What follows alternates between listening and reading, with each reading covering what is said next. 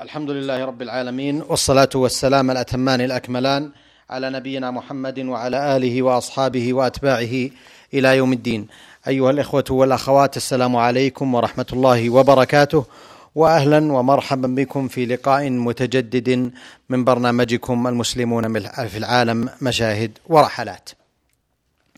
لقاء أسبوعي معتاد نعقده مع ضيفنا الكريم معالي الشيخ محمد بن ناصر العبودي الرحالة والداعية المعروف والذي يتحدث عن بعض من زياراته ومشاهداته لأحوال المسلمين في العالم.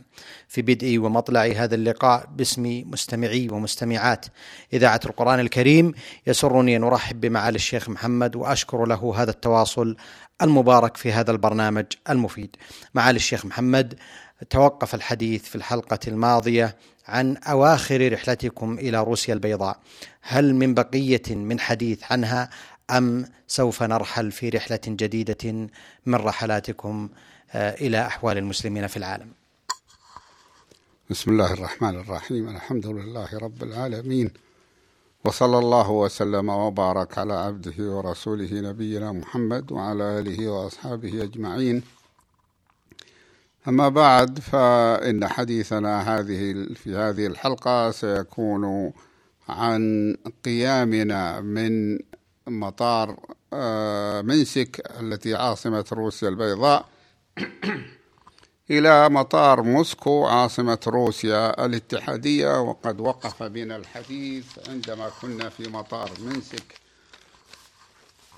ولذلك سوف نبدأ الكلام في هذه الحلقة مع آه، كوننا قمنا من مطار منسك إلى موسكو. وقد آه، كنت أزمعت آه، على أن أجعل العنوان إلى روسيا الحمراء لأن بعض الناس كانوا يسمون روسيا التي هي الآن جمهورية روسيا الاتحادية كانوا يسمونها بروسيا الحمراء زعم زمن الشيوعية وقد اتخذ الشيوعيون الروس اللون الأحمر لونا لهم فجعلوا علمهم أحمر وسعى سموا جيشهم بالجيش الأحمر وتابعهم الناس على ذلك. فلقبوا ما يظنون أنه شيوعي بالأحمر كما لقبوا الأحزاب الشيوعية بالأحزاب الحمر. ولذلك أصل قديم عند الروس إذ كلمة جراسنا في لغتهم تعني الجميل كما تعني الأحمر. وهي تسمية ظن بعض الناس أنها محدثة بعد أن ساد الشيوعيون في البلاد والصحيح أنها أقدم من ذلك وأن تسمية هذا الميدان بالميدان الأحمر هي تسمية قديمة من عهد القياصرة والمقصود بالميدان الذي نشير إليه هو ميدان الكلم الكرملين في موسكو. هذا من ناحية الاسم أما من ناحية الناحية الأهم وهي زيارة روسيا الاتحادية في الواقع أنها لمجرد المرور بموسكو في طريقنا إلى جمهورية تتارستان التي هي جمهورية للإخوة المسلمين التتار وهم من المسلمين المعروفين بمحافظتهم على شخصيتهم الإسلامية منذ قرون. وذلك للسبب الذي ذكرته ولكوني تكلمت على موسكو ومدن أخرى في روسيا الاتحادية في عدد من كتب المطبوعة والمخطوطة. وليس من عادتي أن أشير إلى كتبي لئلا يعتبر أن هذا إعلان نستقله عنها ولذلك لن أذكر أسماءها ولا عناوينها. ولنعد إلى الحديث عن سفرنا من منسك إلى موسكو منسك عاصمة روسيا البيضاء. فنقول إننا آه، دخلنا الطائرة الطائرة الروسية. فوجدناها تابعة لخطوط روسيا البيضاء المسماة بلافيا من طراز توبوليف الذي طالما ركبنا مثله في أنحاء الاتحاد السوفيتي في آسيا وأوروبا وقد أبطأوا بعد أن دخل الركاب إلى الطائرة ولم يغلقوا أبوابها إلا بعد نصف ساعة مع أنهم لم يوفروا للركاب في جوب المقاعد أي شيء يمكن أن يقطع به وقتهم. كالمجلة التي تصدرها الشركة فلم أرى أي مجلة في أي طائرة روسية في ذلك الوقت. والمعلومات عن الرحلة أو حتى الجرائد يعني كالنشرة التي تكون فيها معلومات عن الطائرة ومعلومات عن الرحلة. وكذلك لم يقدموا شيئا من الجرائد. وعندما تحركت الطائرة مبتعدة بهم عن المبنى كان يماشيها رجل على قدميه كأنما يرشد قائدها أو لما لا أدريه. ثم كان إعلان الطائرة بالبيلاروسية ثم الروسية ولم نفقه منهما شيئا ولكن الذين يفقهونهما يقولون إن الفرق بينهما قليل وضئيل وإن روسيا البيضاء تحافظ على لغتها من أجل المحافظة على استقلالها وإلا فإن جميع أهلها يعرفون اللغة الروسية. ولاحظت شيئا كان من مخلفات العهد الشيوعي وهي أنهم نكسوا ظهور عدد من المقاعد في مقدمة الطائرة وهو المفضل عندهم يعني مقعد الطائرة يعتبرونه بمثابة الدرجة الأولى عند غيرهم. وتنكيس ظهور المقاعد معناه أنها محجوزة وأن الركاب لا ينبغي أن يركبوا فيها وقد تركناها واستمر ذلك من دون أن يركب عليها أحد حتى وصلنا إلى موسكو. ثم وزعوا جرائد روسية صغيرة تشبه صحف الحائط وهو في مظهرها تدل على التقشف أو العوز وهذا أمر معروف بعد سقوط الشيوعية ولكن الحال الآن في روسيا حسن كثيرا وصار اقتصادها جيدا وصارت تحضر صحفا ومجلات إلى الطائرات ولكن نحن نتكلم على ما رأيناه وشاهدناه عندما زرناها بعد سقوط الشيوعية بنحو خمس سنوات. ومما لاحظنا من الاختلاف ما بينهم وبين طائرات الاتحاد السوفيتي السابق في زمن الشيوعية أنهم جعلوا في الطائرة مضيفا ومضيفة مع أن العادة التي كنا عرفناها في السابق منهم ألا يكون في الطائرة ألا يكون في الطائرة إلا المضيفات. إلا أن تنجيد الطائرة لم يختلف عما عهدناه في مثيلتها في الرحلات الداخلية في روسيا فالمقاعد خشنة سيئة التنجيد وحزام المقعد من حديد غير ثقيل. أما الركاب فإنهم الأوروبيون البيض في مظهرهم.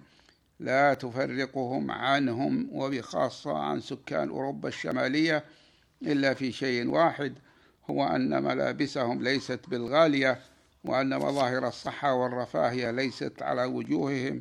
وشيء آخر غير معهود في الأوروبيين الغربيين وهو رفع أصوات الناس بالكلام في الطائرة وعدم تزمتهم في المعاملة فيما بينهم.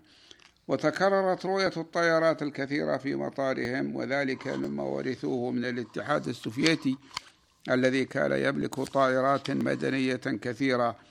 ثم أقلعت الطائرة في الثامنة والنصف صباحا متأخرة عشر دقائق عن الموعد المحدد لقيامها في الأصل.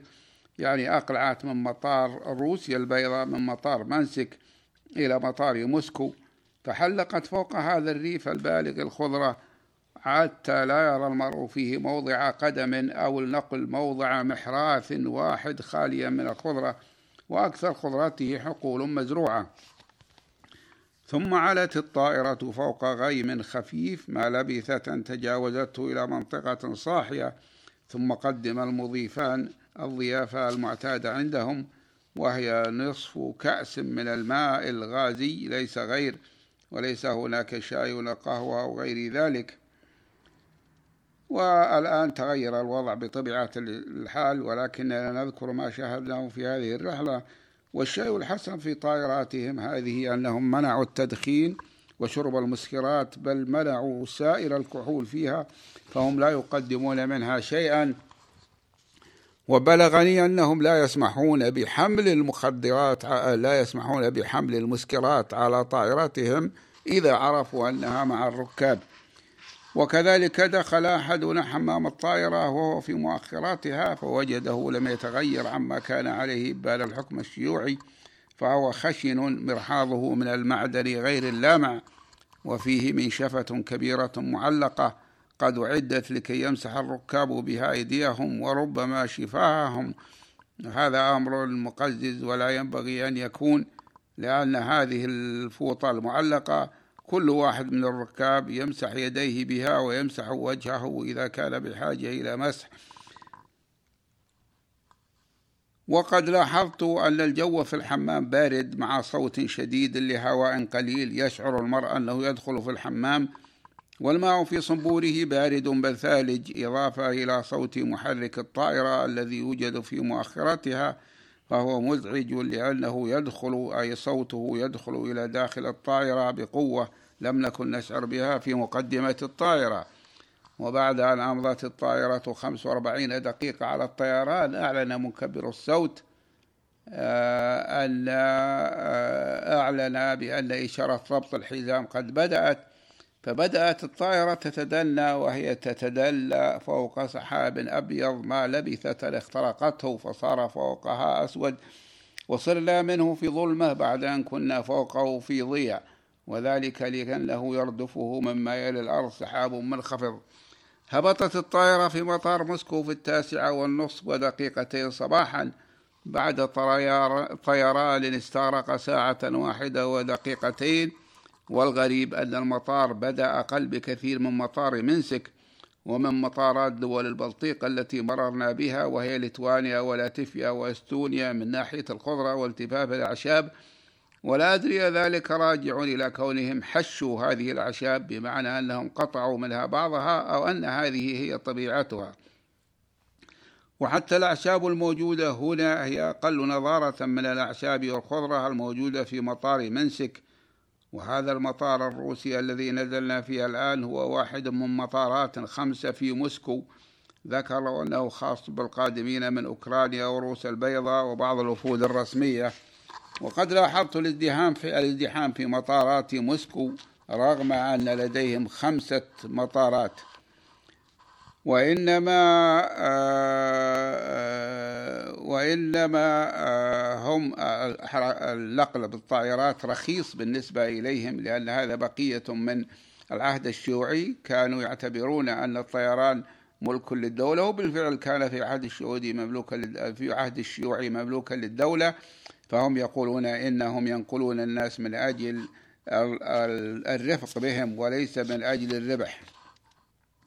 لاحظنا أنه لم تجري أي إجراءات رسمية في مطار موسكو فهو كالمطار الداخلي فليست فيه مكاتب للجوازات ولا للجمرك ولا لأي شيء رسمي يتعلق بسفر الأجانب. وتبين لنا ما ذكرته لنا القصرية الروسية في جدة من كون سمة الدخول التي تمنحها لا تخول المسافر المسافر الدخول إلى روسيا البيضاء وأن فتبين لنا أنه غير صحيح. وأن الروس يعتبرون الذي يأتي من روسيا البيضاء كأنما جاء من منطقة روسية داخل روسيا الاتحادية.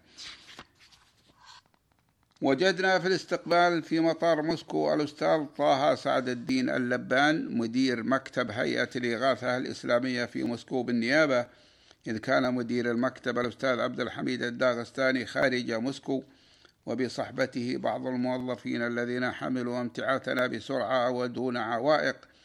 وحملونا بسيارة الهيئة وهي حافلة صغيرة قاصدين فندق كوزموس في موسكو وكانوا حجزوا لنا فيه من قبل.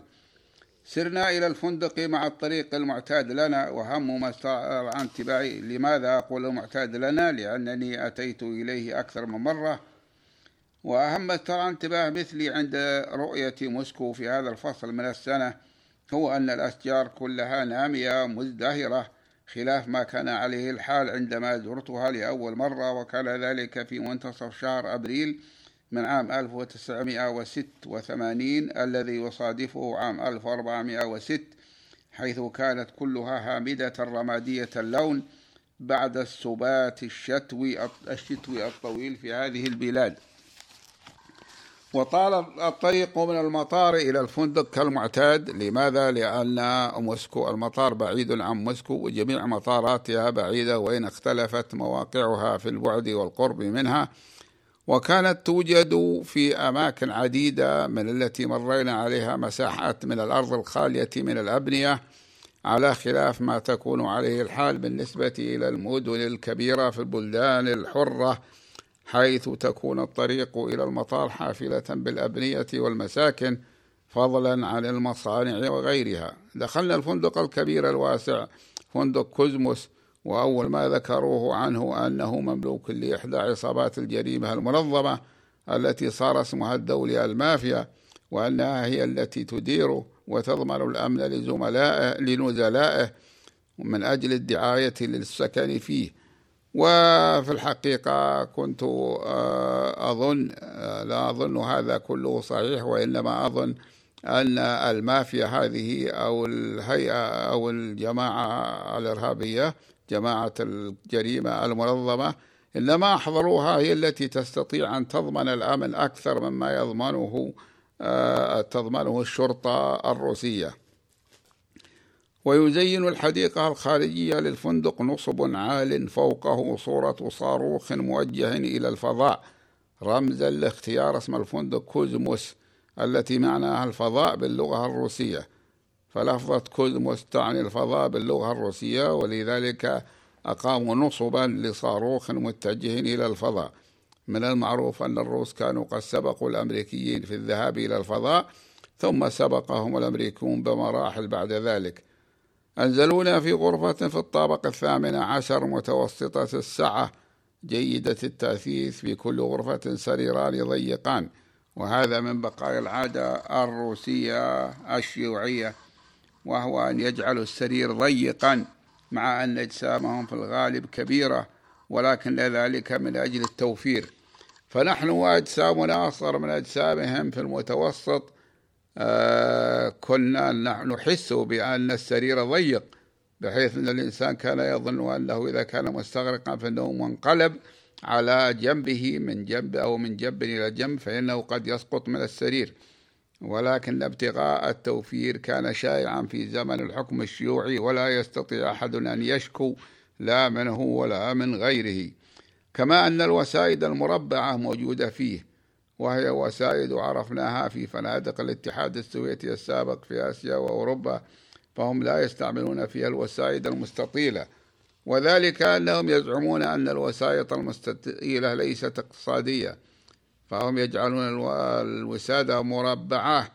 وإذا كان الرجل انقلب ووقع على الوسادة لا يرون من ذلك بأسا لأنه إذا كان محتاج فإنه سوف يعود لها. والغرف نظيفة لا تقل نظافة عن فندق الدرجة الثانية ذات النجوم الثلاث في أوروبا الغربية وقد صنفوه هنا من ذوات النجوم الأربع. أما مرافقه ومصاعده العديدة الواسعة وساحاته الداخلية فإنه يستحق أكثر من ذلك. وقد أزحت ستارة النافذة في غرفتي عن الطابق الثامن عشر فصارت تشرف على منطقة واسعة من موسكو غير القديمة لأن الفندق يقع خارج موسكو القديمة. ويرى المرء من النافذة هل ابنيها العائلة ذوات الطوابق العديدة المؤلفة من شقق سكنية تفصل بينها فراغات واسعة من الأعشاب أو حتى من مجرد الأرض الخالية من النبات. على عادة آه، على عادة البلدان الشيوعية في بناء المساكن الخاصة للناس. لا أقصد الخاصة للناس التي يسكنها الناس ولكن التي تبنى لعامة الناس وتبيعها الحكومة عليهم أو تؤجرها إيجارا يفضي إلى التمليك ولا تخرجهم منها. ولكنها صغيرة لا غير مريحة وهذا هو هي العادة الشيوعية. كان موعد الغداء قد حان فنزلنا إلى مطعم الفندق في الطابق الأول من منه وهو مطعم واسع فيه عدد أكبر مما يحتاجه من العمال وأكثرهم من النساء. وطلبنا حساء من حساء الخضار وسلطة وسمكا فجاءوا به وبالسمك مع البطاطس المطبوخ. وطلبوا عند الفراغ ثمن ذلك ثلاثة وستين دولارا أمريكية لثلاثة. أي لكل شخص واحد وعشرون دولارا. وهذا غلاء فاحش بالنسبة إلى الأجور المتدنية في هذه البلاد. لقد تغير الوضع بعد ذلك في روسيا وصار كل شيء فيها فاخرا ولكن صار كل شيء غاليا. صار مثل صارت موسكو في الغلاء مثل مدن الدول الأوروبية الغربية وربما تكون أكثر غلاء من بعضها. وأردنا الإخلاد إلى الراحة في الغرف غير أن عددا من الإخوة المسلمين حضروا إلينا في غرفنا. من هم الشيخ راوي عين الدين رئيس الإدارة الدينية لروسيا الأوروبية. هكذا اسم وظيفته وإن صار ينافسه على التسمية أناس آخرون. أسموا أنفسهم أو سماهم غيرهم رؤساء للإدارات الدينية في منطقة روسيا الأوروبية. ومن بين الذين حضروا الأخ محمد صلاح الدين المدير التنفيذي للمركز الإسلامي في موسكو وهو يعرف العربية جيدا. وفي الرابعة والربع عصرا كنا نذهب لزيارة جامع موسكو. ذلك الجامع الذي كان الوحيد في موسكو إبان الحكم الشيوعي ولم يكن المقصود بالزيارة رؤيته وحده لأننا قد رأيناه من قبل. وإنما كان ذلك لرؤية الكلية الإسلامية التي استحدثت بجانبه ولم نرها قبل ذلك. سارت السيارة مع شوارع موسكو الجيدة داخلة في المنطقة الجيدة من المدينة التي هي قلبها الفاخر لأن الجامع يقع في قلب المدينة على حاشية الحي الدبلوماسي فيها. وتكثر في هذا القلب الجيد من مدينة موسكو خطوط القطارات الكهربائية الترام التي يسموها إخواننا المصريون الترماي. وقد رأيتهم يصلحون قضبان أحد الخطوط لها وعليهم الملابس العسكرية. فأخبروني أنهم من الجيش الذي صار لا عمل له في الوقت الحاضر فصاروا يستعينون بأفراده لمثل هذه الأعمال. إلا أنني لاحظت ما كنت لاحظته على الأعمال العامة في البلدان الشيوعية وهو أن العمل الذي يكفي فيه عشرة عمال في البلدان الحرة يعمل فيه في البلدان الشيوعية ثلاثون أو خمسون لكونهم لا يعملون عملا شاقا في مثل هذا الأمر. وأكثر المناظر استرعاء للانتباه مناظر الأشخاص الذين ينتظرون وصول عربات المواصلات العامة كالحافلات فتجدهم في مجموعات كبيرة ترثي لحالهم وذلك لقلة السيارات الخاصة في أيدي الناس بالنسبة إلى البلدان الحرة الأخرى. سلك سلكنا شارع السلام وهو من الشوارع الرئيسية في موسكو وهو واسع جدا وخاص بمرور السيارات ويفصل بين السيارات يعني لا تمر به القطارات لا الترمويات ولا غيرها ويفصل بين السيارات الذاهبة والآيبة فيه خط أبيض وهو قريب مما يسمونه بالسنتر بمعنى قلب المدينة. ثم وصلنا الكلية الإسلامية ويوم العاصقة لأرض جامع موسكو. وكنت عهدتها عندما زرت موسكو آخر مرة مجرد فصول دراسية. وقدمت لها آنذاك مساعدة رمزية من رابطة الإسلام العالم الإسلامي. وجدنا الأستاذ الشيخ راوي عين الدين وبعض الإخوة المتعاونين العاملين في الشؤون والعاملين في الشؤون الإسلامية متعاونين معه في انتظارنا. وصاحبنا الشيخ راوي عين الدين وهو أحد أئمة جامع موسكو منذ أن زرناه قبل سنوات في جولة على الجامع وكذلك مبنى الكلية.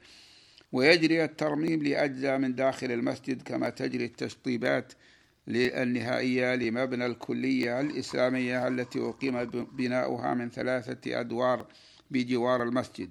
وستضم الكلية فصولا دراسية وقاعات محاضرات ومكتبة ومطعما داخليا. وستبدأ الدراسة فيها كما يقول الأستاذ راوي عين الدين مع غرة أكتوبر عام 1994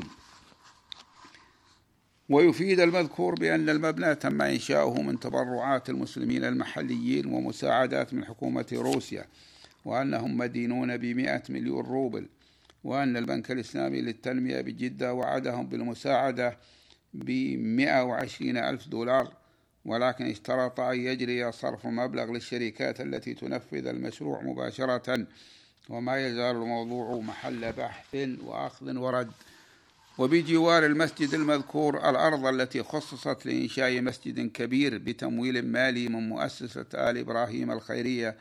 ولكن هذا المشروع أيضا معطل ويبدو ذلك بسبب سوء تصرف المسؤولين المحليين عنه.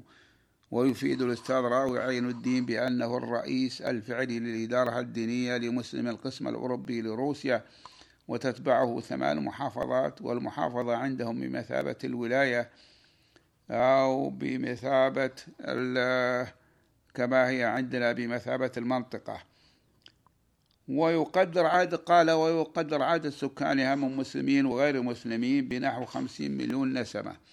ومبنى الكلية من ثلاث طبقات وطابقا تحت الأرض بنيت بناء قويا على طراز إسلامي من أطرزة المباني في بلاد ما وراء النهر التي كانت تعرف عند العامة من أهل بلادنا ببخارى. تعلوها قبة عالية وقد أحضروا نقاشين للأبواب وللزخارف من بعض الأماكن في أوزبكستان التي عاصمتها طشقند وهي قريبة من بخارى. ونوهوا بوجود بخارى أي من مدينة بخارى. وإلا فإن قومنا يسمون أهل المنطقة تلك كلها بالبخاريين. ونوهوا بوجود مبنى الكلية الإسلامية الذي رأيناه جيدا مناسبا يأملون أن يضم من الكتب والمراجع الإسلامية ما تكون به هذه المكتبة أغلى مكتبة إسلامية في المنطقة.